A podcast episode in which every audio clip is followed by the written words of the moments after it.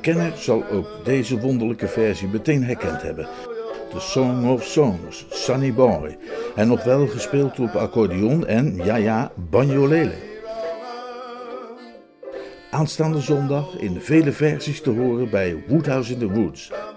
Een muzikale voorstelling rond het werk van P.G. Woodhouse in en om Huizen Frankendaal in Amsterdam.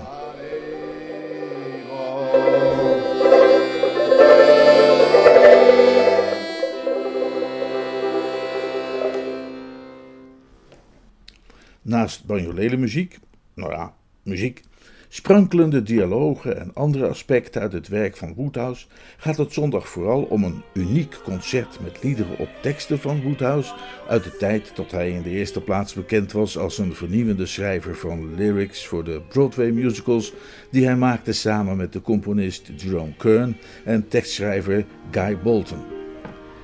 Die liederen worden gezongen door de sopraan Merel van Geest, de tenor Rijn Kolpa en begeleid op piano door Julia Buizer.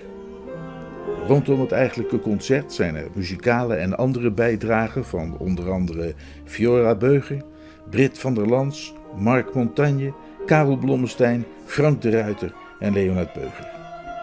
Er is een voorstelling om half twee en een om half vijf. Stuur voor ticketreservering een e-mail naar woodhouseinthewoods@haagsepassie.nl woodhouseinthewoods at haagsepassie.nl